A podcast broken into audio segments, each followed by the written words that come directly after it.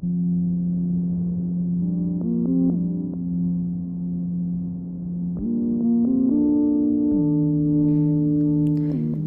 visi. Aš Julija Stankievičiūtė, straipsnio, kurį netrukus išgirsite, autorė. Jo pavadinimas LGBTQ plus teisės Pietų Afrikos Respublikoje - realybė prieš įstatymą. Rašiau šią temą, nes norėjau papasakoti apie kažką, kas turi įtakos mano ir mano draugų kasdieniniam gyvenimui. Manau, kad lietuviškose medijose būtent apie LGBTQ plus temas yra kalbama per retai arba labai stereotipiškai. Todėl ir pasirinkau rašyti straipsnį būtent lietuviškai, kas turėjo ir savo iššūkių.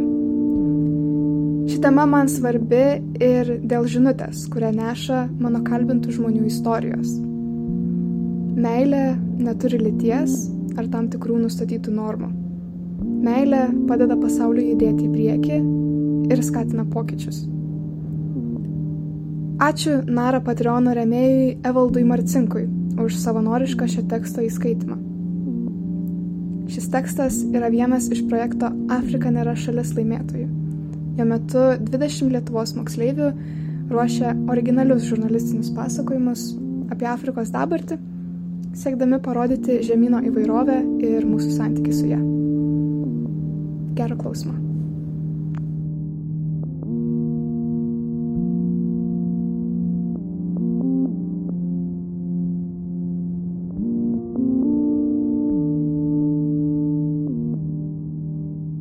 Pripažinkite mus, šaukia Pietų Afrikos LGBTQ bendruomenė 20-ojo amžiaus pabaigoje. Šaukia ir dabar. Šalyje, kurioje prieš 24 metus Nelsonas Mandela pasirašė vieną progresyviausių visų laikų konstitucijų Įstatymas ne visada pajėgus apginti šią bendruomenę. Pietų Afrikos LGBTQ plus gyventojai pasakoja, kokia yra realybė šalyje, kurios konstitucijoje, pirmojoje pasaulyje, buvo įtvirtinta lygybė seksualinės orientacijos atžvilgių. Konstitucija pakeitusi lygybės sampratą. Draugai ir tautiečiai, šiandien savo buvimu čia iškilmingai pagerbėme pažadą, kurį davėme savo ir pasauliui kad Pietų Afrika atpirks save ir taip praplės žmogaus laisvės sienas, kalbėjo tuometis Pietų Afrikos prezidentas Nelsonas Mandela 1996-aisiais. Takart jis pasirašė pirmąją pasaulyje konstituciją ginančią žmogaus teisės, nepaisant jo seksualinės orientacijos. Ta gruodžio 10-ąją Mandela pridūrė: Šiandien peržengėme kritinį slengsti. Pasisemkime jėgų iš užmėgstos vienybės, Kartu supraskime galimybes ir įgyvendinkime šioje konstitucijoje įtvirtintą viziją. Pripažinkime praeities neteisybės, kurdami ateitį, pagrįstą lygybę ir socialiniu teisingumu. Pietų Afrikos konstitucija tapo pavyzdžių visam pasauliui. Pirmą kartą žmonijos istorijoje konstitucija, pagrindinės valstybės įstatymas, gynė žmonių teisės nepaisant jų seksualinės orientacijos. Pagrindinio valstybės įstatymo 9 straipsnio 3 punkte rašoma, kad valstybė negali nesažiningai tiesiogiai ar netiesiogiai diskriminuoti asmens dėl vienos ar kelių priežasčių, įskaitant rasę, lytį, neštumą, šeiminę padėtį, etninę ar socialinę kilmę, odos spalvą, seksualinę orientaciją, amžių, negalę, religiją, sąžinę, įsitikinimus, kultūrą, kalbą ir gimimą. Šis politinis žingsnis buvo didelė Pietų Afrikos Respublikos kovos su homofobija dalis. Jis pasireiškė žmogaus teisų, tarp jų ir LGBTQ protestais, Pride eitynėmis bei tolesniais palankių įstatymų įgalinimais ir keitimais. Homoseksualumas Afrikos gentise.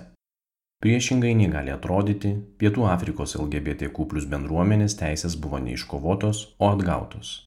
Iki kolonijinėje Afrikoje homoseksualumas ir translytiškumas buvo priimtini ir suprantami.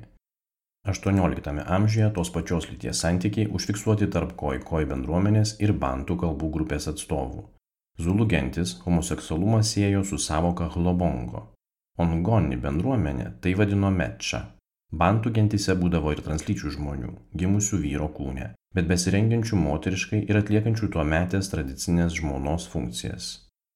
Užfiksuotos ir lesbietės, tačiau intimus moterų santykiai dažniausiai būdavo smerkiami. Pasak The Guardian, homoseksualumo pavyzdžių fiksuota ir senovės Egipte. Benine tai buvo laikoma berniuko perėjimo į vyrus ritualo dalimi. o dviejų moterų santokos egzistavo daugiau nei 30 Afrikos šalių nuo Nigerijos ir Kenijos iki Pietų Afrikos. Anksčiausiai homoseksualumo ženklai Afrikos žemynė pastebėti olų piešiniuose Zimbabvėje. Krikščionybės įtaka homofobijos plitimui. Situacija pasikeitė XVII amžiuje, Afrikos žemynė prasidėjus kolonizacijai ir krikščionybės klydimui. Dauguma krikščionybės šakų prieštaravo homoseksualumui, kadangi, Biblijos teigimu, tai nenatūralu ir nuodėminga. Nesugulsi su vyriškiu tarsi su moterimi, tai yra pasibjaurėtina. Kunigų knyga 18.22. Nuo pat kolonizacijos pradžios krikščionybė turėjo didžiulę įtaką formuojantis Pietų Afrikos visuomeniai ir standartams. Taigi nebūtų klaidinga sakyti, kad homofobijos šaknis Pietų Afrikoje išaugo iš religijos. Ypač didelę įtaką visuomenės nuomoniai darė misionieriai. Jų mokymai tapdavo bendrają nuomonę ir diktuodavo moralės normas. Čekų misionierius Džordžas Šmitas XVIII amžiaus ketvirtajame dešimtmetyje Pietų Afrikoje pradėjo krikščionybės mokymus. Šmitas iš pradžių pradėjo dirbti su jau minėta koi koi gentimi, mokė rašyti, skaityti, siūti, arti žemę, Homoseksualios praktikos, panašiai kaip šokiai ir dainos, buvo laikomos ta kultūros dalimi, kurią misionieriai norėjo panaikinti. 1742-aisiais misionierius pradėjo vietinius krikštyti, o tai supykdė reformatų bažnyčią, kadangi krikštyti galėjo tik reformatų ministrai. Po dviejų metų Šmitas buvo parsiųstas namo, o visa misionierių veikla sustabdyta 50 metų. Vėliau Pietų Afrikoje ėmė kurtis misionieriai iš Anglijos, Škotijos, Prancūzijos, JAV ir Olandijos. Jie edukavo vietinius gyventojus, vertė jiems Bibliją ir mokė giesmių. Tokie misionierių mokymai buvo pagrindinė Pietų Afrikos edukacinė sistema iki 1953-ųjų, kai buvo pristatyta Bantų edukacinė sistema. Taigi homofobiškas požiūris formavosi net kelis šimtus metų.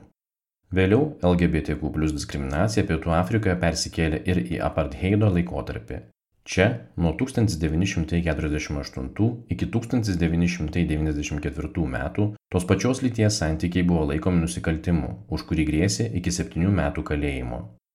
1970-aisiais prasidėję LGBTQ plus protestai pasiekė džiaugsmingą pabaigą, kai 1996-aisiais buvo priimta minėtoji konstitucija už kritinio slenksčio.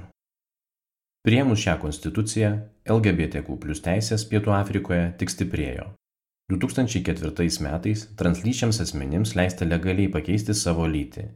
2005 metais Pietų Afrika tapo antrąją šalimi pasaulyje, leidžiančią tos pačios lyties poroms įsivaikinti. 2006 metais legalizuotos tos pačios lyties asmenų santokos. Pietų Afrika tapo penktąją tai padariusią šalimi pasaulyje. Pietų Afrikos Respublikos įstatymai neabejotinai itin pažangus. Tačiau kaip dabar, praėjus 24 metams po konstitucijos įtvirtinimo, atrodo Pietų Afrikos Respublikos LGBTQ plus situacija? Ar išsipildė Mandelos išsvajota ateitis, pagrįsta lygybė ir socialiniu teisingumu? Norėdama tai išsiaiškinti, per Instagram platformą susisiekiau su keliais Pietų Afrikos Respublikos LGBTQ plus bendruomenės nariais ir paklausiau apie asmeninės jų patirtis. LGBTQ ir rasizmas. Dabartinėje Pietų Afrikos situacijoje LGBTQ atžvilgių nėra vienos tiesos ir vieno atspalvio. Praėjus 26 metams nuo apartheido, rasizmas vis dar neapleidžia šalies. Rasinė diskriminacija Pietų Afrikoje liečia ir LGBTQ bendruomenę. 26 aktoriai iš Johannesburgo Tina Redman įvardžiai ji arba jie pirmiausia savo seksualinę orientaciją atskleidė mamai. Tuomet Tina buvo 18. Susitikinėjau su klasiokė, buvau ją be galo įsimylėjusi. Tiesiog troškau, kad visi tai žinotų, bet pirmiausia, pasakiau tik artimiausiams žmonėms. Supratau, kad jei žinos jie, visų kitų nuomonė nebebus svarbi. Moteris prisipažįsta bijojusi. Jei atvirai, kai augau, homoseksualumas buvo didelis tabu. Žmonės apsimesdavo, kad jį priima, tačiau tai tęsdavosi iki tol, kol tai neliesdavo jų šeimos narių. Per lytinio švietimo pamokas niekada nekalbėdavome apie homoseksualumą, Aš bijojau atskleisti savo seksualinę orientaciją.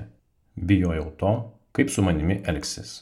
Mamai pasakiau, nes žinojau, kad ji bent jau pasistengs mane suprasti. Ir ji suprato. Anksčiau Tina vadino save lesbietę, tačiau dabar tyrinėja savo vietą LGBTQ plus spektre. Save apibūdinu queer. Taip galiu daugiau sužinoti apie tai, kas esu. Anksčiau man buvo patogu būti tiesiog lesbietė, o dabar pastebėjau, kad suprantu vis daugiau savo esybės dalių. Džiaugiuosi, kad leidausi į dar vieną savęs pažinimo kelionę. Tačiau Tina ne visada jaučiasi saugiai. Pietų Afrikoje vis dar gan didelis rasinis skirstimas. Apartheidas pasibaigė vos prieš 26 metus. Mes vis dar gyvename tarp opresorių ir jų vaikų. Be to, kad esu homoseksuali, esu dar ir moteris. Dar daugiau, aš esu juodaodė moteris. Juodaodės homoseksualios moterys šioje šalyje yra maisto grandinės apačioje korekciniai prievartavimų išpuoliai ir femicidas. Atskleidusi savo seksualinę orientaciją tina sužinojo apie pietų afriką vis dar kamuojančią problemą korekcinius prievartavimo išpuolius angliškai corrective rape attacks. Taip vadinamas toks išžaginimas kai užpuolikas savo veiksmus pateisina tikėjimu kad moterų homoseksualumas gali būti išgydytas moterį mylintis su vyru. Toks mąstymas atsirado dėl plačiai paplitusios stigmos, kad homoseksualios moteris tiesiog nesutiko tinkamo vyro. Yra daugybė kitų nelogiškų ir išlikščių bandymų pateisinti šį žiaurų nusikaltimą. Tai buvo ir vis dar yra didžiausia mano baimė. Eidama gatve turiu būti atsargi, kad netrodyčiau per daug vyriškai arba per daug akivaizdžiai queer, pasakoja moteris. Kaip teigia Tina, apie tokius išpolius išgirsta kiekvieną dieną. Anot jos, Pietų Afrika išgyvena femicidą, kurio vienas pagrindinių taikinių - homoseksualios moteris. Statistiškai šalyje kas 3 valandas nužudoma moteris. LGBTQ plus spektro asmenys yra pasipiktinę ir pasišlikštėję. Mums belieka gyventi baimėje. Policija į smurtą prieš mus rimtai nežiūri. Tad jei mane užpultų, į policiją kreiptis bijočiau, dalinasi Tina. Pietų Afrikoje seksualinį priekabiavimą patiria ne vien LGBTQ plus spektro moteris, bet visos bendruomenės nariai. Kalifornijos teisės universiteto Williamso instituto tyrimo apie Pietų Afrikos duomenis bent vienas iš dešimties 11 procentų 16-24 metų amžiaus LGBTQ plus bendruomenės narių prisipažino patiriantis seksualinį priekabiavimą mokymosi įstaigoje.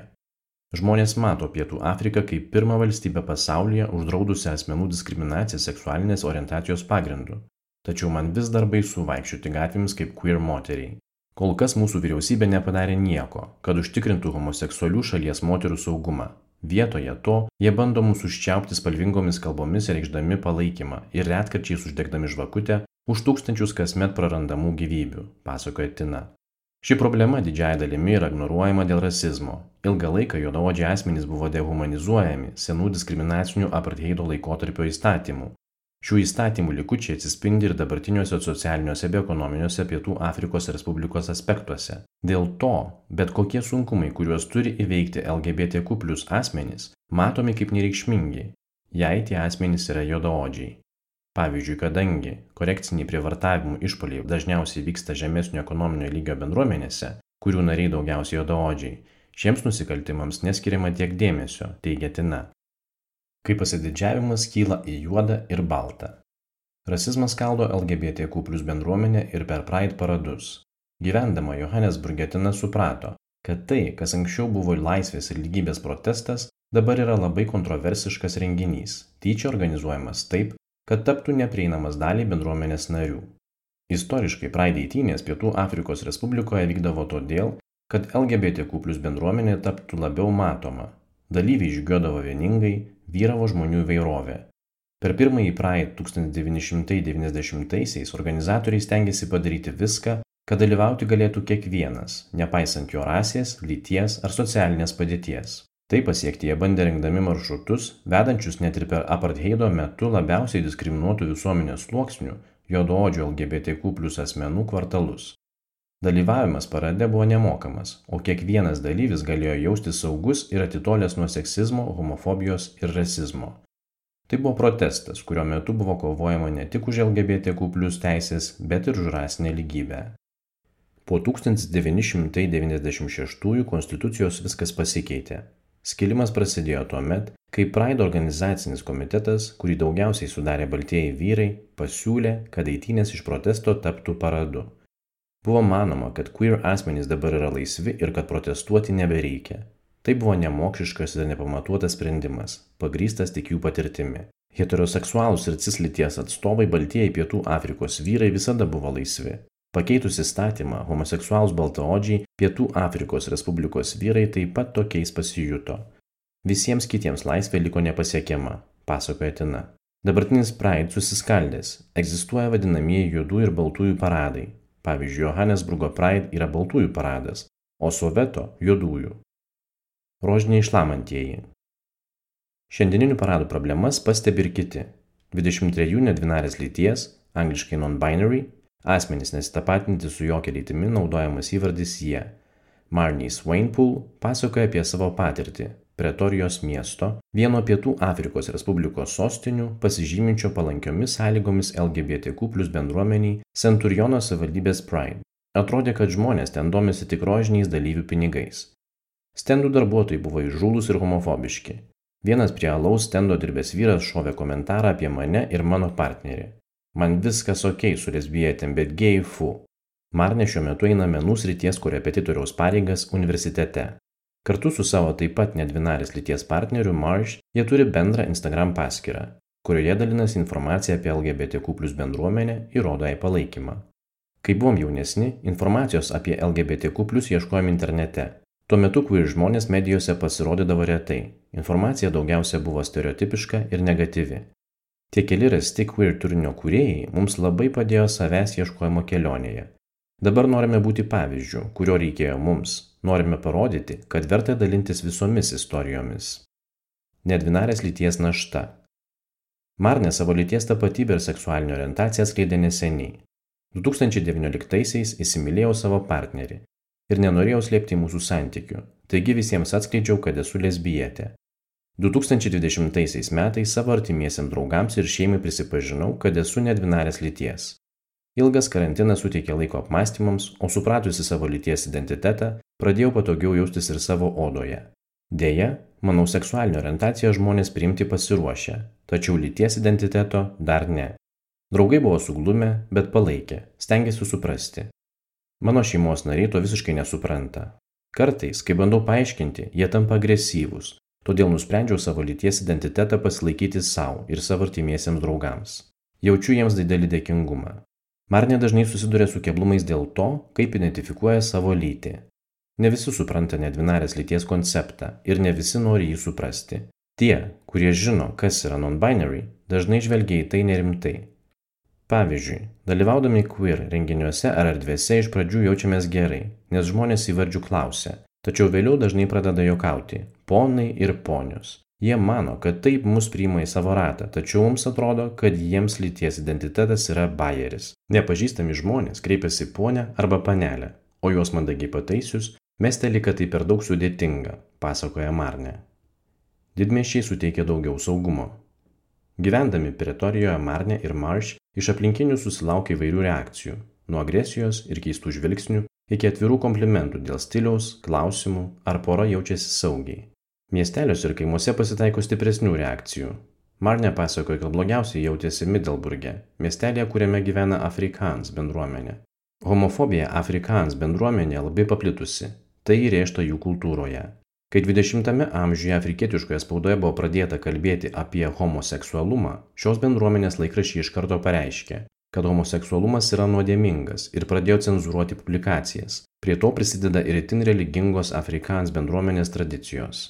Afrikans bendruomenės vyrai piktai į mus pokso, garsiai mus keikia, pretorijoje jaučiamės daug saugiau.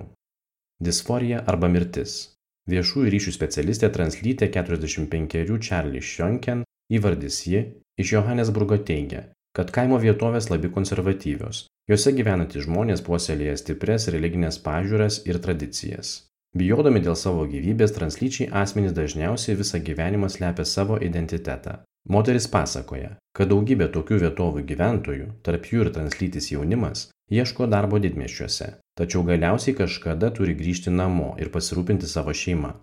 Tuomet susiduria su stipria lyties disforija psichologiniais sunkumais atsirandančiais jaučiantis taip tarsi būtų gimę netinkamoje lytyje. Translyčiai asmenys dažniausiai neturi kito pasirinkimo kaip tik taikstytis su tuo ir kentėti kadangi identiteto atskleidimas gali reikšti mirtį pietų afrikos respublikoje buvo ne vienas toks atvejis 2020 metais translytės aktyvistės Narim Fela kūnas buvo rastas subadytas Sekakkapen kaime. 2012 metais nuošaliojoje Šiaurės Kyšulio provincijoje buvo nužudytas homoseksualus translytis vyras Tafelo Makutle po to, kai susiginčijo su dviem nepažįstamaisiais dėl savo seksualinės orientacijos. Save atrasti reikia daug laiko. Čarli turi Instagram paskyrą ir tinklaraštį, kuriame dalinasi savo patirtimi ir stengiasi supažindinti žmonės su translyčių bendruomenės problemomis. Tikiuosi, kad kažkur kažkam dėl to taps lengviau rasti save ir gyventi autentišką gyvenimą, Net jei tai būtų vienas žmogus. Man prireikė 40 metų suprasti, kas aš ir išdrysti būti savimi. Kartais pagalvoju, kaip gerai būtų buvę turėti tokius autoritetus augant. Moters lytinės tapatybės kelionė nebuvo lengva. Čarli augo Olandų šeimoje, kurioje, pasak jos, LGBTQ plus temos buvo tabu. Labai anksti išmoksti pasislėpti nuo visų, užsidėti kaukę, tačiau labai giliai savyje supranti, kad esi kitoks. Kai pripranti prie kaukės, ji tampa aksesuaru, kurį nešioji visada. Aš taip gyvenau 40 metų. Čarlis susitokė ir puoselėjo santoką, tačiau laisva nesijautė. Tai buvau ne aš, mano disforija augo. Nusprendžiau ieškoti informacijos internete, radau tokius terminus kaip translytiškumas ir panašius. Mano mąstymas apsivertė. Kažkur tarp šitų pavadinimų atradau save. Tuo metu mano disforija pasiekė aukščiausią tašką. Kai sužinojau, kas esu, kaukė tapo nebepakeliama. Bandžiau su tuo kovoti, neigti. 2018-aisiais bandžiau nusižudyti. Maniau, kad tai vienintelė išeitis. Čarli bandymą pakartojo ir po metų, tačiau tuomet ją aptiko žmona. Po kelių savaičių tylos ji man pasakė, kad myli mane ne dėl mano lyties, o dėl mano širdies. Man rodos, iš laimės praverkiau visą dieną. Jau 18 mėnesių Čarli identifikuoja save moterimi. Ji teigia, kad gyvenimas dabar kaip niekad aiškus. Konstitucija suteikia saugumo, tačiau neatpažįsta translyčių asmenų poreikių. Patogumo jausmas priklauso nuo pasitikėjimo savimi, teigia Čarli. Moters šeima ją palaikė nuo pat pradžių, o visos baimės išsisklaidė. Taip, kartais jie sumaišo mano įvardžius, bet kuo toliau, tuo labiau savimi pasitikiu. Darbe šiek tiek sunkiau. Ne visi linkia mane priimti, tačiau viskas ok. Aš čia ne tam, kad verščiau juos pradėti kitaip mąstyti. Tol, kol jie geba mane gerbti ir su manimi dirbti, viskas yra gerai. Čarli prisimena ir Pietų Afrikos Respublikos konstituciją. Jos nuomonė, įstatymai padeda LGBTQ plus bendruomeniai jausti saugiau. Konstitucija padeda bendruomeniai iš lėto atsiskleisti ir būti savimi. Taip, žmonės keičiasi lietai. Diskriminacija išliko ir prieimus konstituciją. Man rodos, tai gan universali tiesa. Tačiau bent jau esame ginami įstatymų ir galime kovoti už save. Moteris sako, kad įstatymuose yra ką keisti. Pavyzdžiui, tai kad lyties keitimo operacija nebebūtų vadinama kosmetinė tokias procedūras valstybė delsia apmokėti o lyties keitimo operacijų norintys asmenys ilgą laiką negauna paramos čarli teigia kad norint gauti valstybės paramą lyties keitimo operacijoms laukti gali tekti net penkiolika dvidešimt metų. Laukti tenka ilgai nebent nusprendė operaciją darytis privačiai arba užsienyje. Dažnai operuotis kitoje šalyje netgi pigiau. Taigi prieiga vis dar didžiulė problema ypač žmonėms kurie turi finansinių sunkumų tačiau kasmet viskas gerėja nors lyties keitimo procedūros yra legalios etiškos mediciniškai patvirtintos bei prieinamos tiek viešajame tiek privačiajame sektoriuje prieiga šalyje vis dar ribota ir nelygiavertė.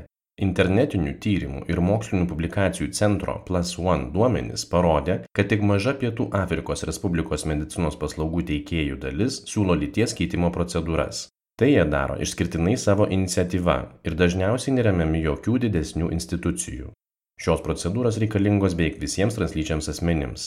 Tai reiškia kad dauguma šios grupės žmonių reikiamą priežiūrą gaus tik turėdami tam pakankamai lėšų. Aplinkos įtaka norintiems keisti lytį. Nėra teisingo ar neteisingo būdo tapti translyčiu pasakoja čarli lyties keitimas kiekvienam translyčiam asmeniui yra kitoks. Vieniems reikia medicininės pagalbos, kitiems ne. Nemažą įtaką taip pat turi asmens aplinka. Pietų Afrikos kultūra labai įvairi.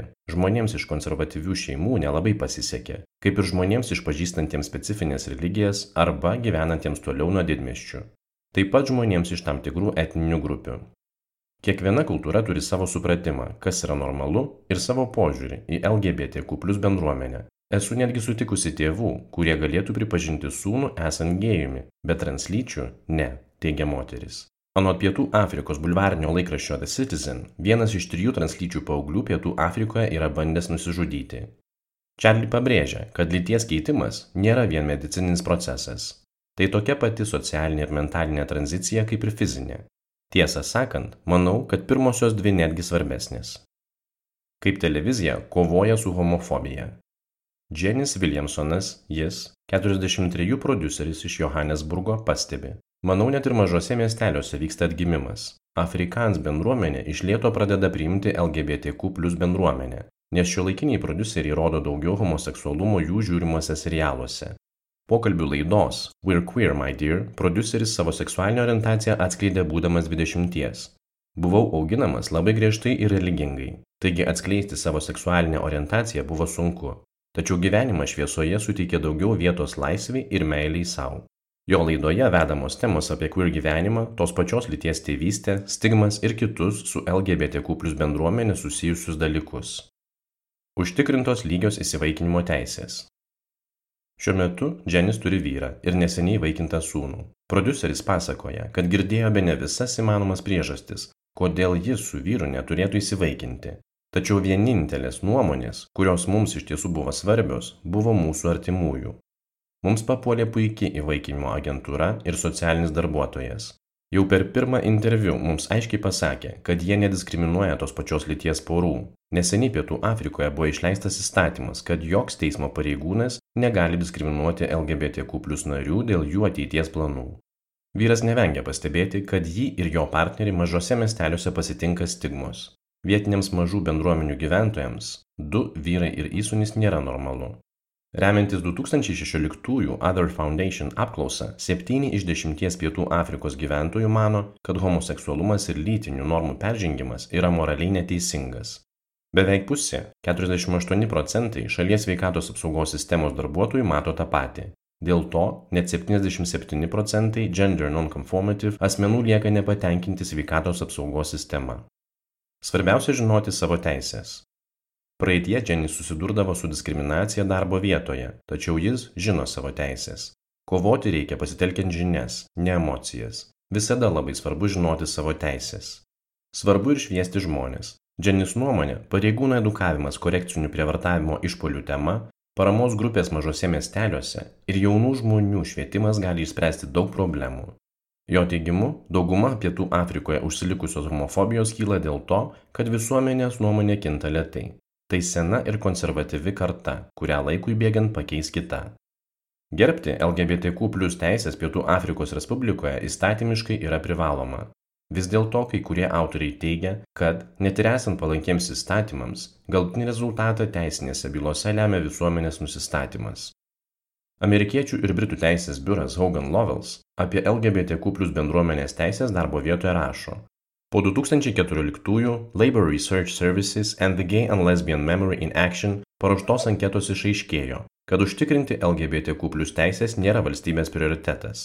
Apklausoje dalyvavę LGBTQ plus nariai įvardijo, kad darbovietėse vis dar patiria bendradarbių ir vadovų priešiškumą, pravardžiavimą, žodinį ir fizinį bauginimą, šantažą, fizinį ir seksualinį smurtą ir taip toliau. Tačiau dauguma apie tai nepranešė, nes bijojo antrinio viktimizavimo Taip pat pagal Kalifornijos universiteto Williamso teisės instituto statistiką, gender non-conforming, pavyzdžiui, vyriškai atrodančios moteris arba moteriškai atrodantis vyrai, heteroseksualūs asmenys buvo samdomi rečiau nei gender conforming, heteroseksualūs asmenys. Marne apie savo patirtį dirbant Pretorijos universitete pasakoja. Dirbu menų fakultete. Šioje erdvėje nesijaučia menkinimo ar diskriminavimo. Visgi Marne pastebi kai ką, ko universitete trūksta. Tokie paprasti dalykai kaip įvardžių pasiteiravimas nutinka labai retai. Planuoju įtvirtinti tokią praktiką, kad universitetas taptų dar atviresnių translyčiams asmenims. Bažnyčios ir LGBTQ plus bendruomenės santykiai. Bažnyčios nuostatose pokyčiai vyksta lietai. Biblija homoseksualumui prieštarauja. Pietų Afrikoje tokie religinės bendruomenės nusistatymai taip pat neišimtis. Bažnyčioje vis dar vyruoja sena, mylėk nusidėlį, bet nekesk nuodėmės stigma, pasakoja Dženis. Su Dženis sutinka ir Marni. Manau, kad dauguma bažnyčių Pietų Afrikoje yra nusiteikusios prieš LGBTQ plus bendruomenę, bet apie tai per nelį garsiai nekalba. Kai kreipiamasi į queer asmenys, skleidžiama ta pati homofobiška žinutė. Į mokyklą, kurią lankiau kiekvieną pirmadienio rytą, buvo kviečiami pastoriai arba mokslininkai. Pamenu nemažai nejaukių rytų, kai jaučiausi įtikinta, kad galiu tiesiog panaikinti savo homoseksualumą maldomis, angliškai Pray the Gay Away. Aktorė iš Johannesburgo Tina pastebi, kad anksčiau agresyviai prieš homoseksualumą pasisakiusi bažnyčia dabar ramesnė. Kai buvau maža, dažnai eidavau į šias anglikonų ir katalikų bažnyčias, taigi kalbu iš patirties. Anksčiau šių organizacijų mokymai siekia įbauginti savo sekėjus ir skleidžiant neapykantą kontroliuoti jų mąstymą, Dabar provincijos bažnyčios nebeskleidžia homofobijos taip akivaizdžiai, nes tai žmonės atstumtų. Moteris taip pat pastebi, kad kaimo vietovėse situacija prastesnė. Pietų Afrikos kaimuose religinių lyderių homofobija labiau primtina, o tie, kurie pasisako prieš jų idėjas, engiami, jų balsai tildomi. Būti queer Pietų Afrikos kaimuose yra beveik mirties nuosprendis. Kadangi mišiose atvirai pasisakoma prieš homoseksualumą, žmonės savo homofobiją teisina religiją, Homofobija matoma kaip kažkas būdingo jų tikėjimui. Dėl to labai sunku keisti tokių žmonių mąstymą. Kalbant apie pačius krikščionis, Pew Research Center tyrimų 2019 metais dauguma, tai yra 62 procentai, katalikų Pietų Afrikos Respublikoje teigia, kad homoseksualumas jiems yra priimtinas. Lietuvoje su tuo sutinka 27 procentai. Taip pat, pasak Washington Post, 2016 metais Pietų Afrikos anglikonų bažnyčios pastoriai ryžosi priimti homoseksualius bažnyčios narius. Ši rezoliucija vėliau buvo panaikinta Pietinės Afrikos regiono anglikonų bažnyčios valdžios. Iš tiesų net ir vyresni dvasininkai gali pripažinti homoseksualumą. Taip atsitiko su Tinos močiute. Neseniai nusprendžiau supažindinti savo partnerį su savo močiute, dvasininkė, gyvenančia homofobiją pagarsėjusioje Pietų Afrikos dalyje. Baiminausi, ką močiutė pagalvos, nes žinojau, kad jos religija nusistačiusi prieš homoseksualumą. Bet susitikimas buvo toks mielas. Ji priėmė mano partnerę į mano vaikystės namus ir paprašė mūsų rūpintis viena kita. Vėliau sužinojau, kad ji kalbėjosi su mano mama ir sakė, kad nesupranta queer santykių, bet tikisi, kad mama jai paaiškins. Močiutė taip pat padėkojo jai, kad rūpinasi manimi ir mano partnerė, nes supranta, koks nesaugus gali būti pasaulis queer žmonėms. Ko trūksta iki ateities - pagristos lygybė ir socialiniu teisingumu. Dabartinė LGBTQ plus teisų situacija Pietų Afrikoje įstatymiškai progresyvi, tačiau yra daug neįspręstų socialinių problemų. Šalies neapleidžia rasizmas, liečiantis ir LGBTQ plus bendruomenę, nesprendžiama alinanti korekcinių prievartavimo išpolių problema, o mažose miesteliuose ir kaimuose vyroja aktyvi homofobija. Pasiekti Mandelos įsvajotą ateitį galima tik sprendžiant šias problemas. Pagrindinis sprendimo būdas yra edukuoti visuomenę. Mokyklos turi pradėti mokyti vaikus apie lyties identitetą ir seksualinės orientacijas. Kol to nebus, manau, dauguma queer žmonių tiesiog ir toliau dalinsis savo istorijomis, nes tokios istorijos yra puikus būdas vieniems kitus mokyti. Daugumai žmonių queer lytis ir seksualinė orientacija nesuprantami, jie nėra net sutikę queer žmogaus. Nesakau, kad kiekvieno žmogaus pareiga mokyti kitus, bet jei tau patinka apie tai kalbėti ir edukuoti, sukurti platformą ir dalintis tokia informacija būtų puikus būdas tai daryti, sako Marney. Tina pokyčius vykdytų taip pat per edukaciją.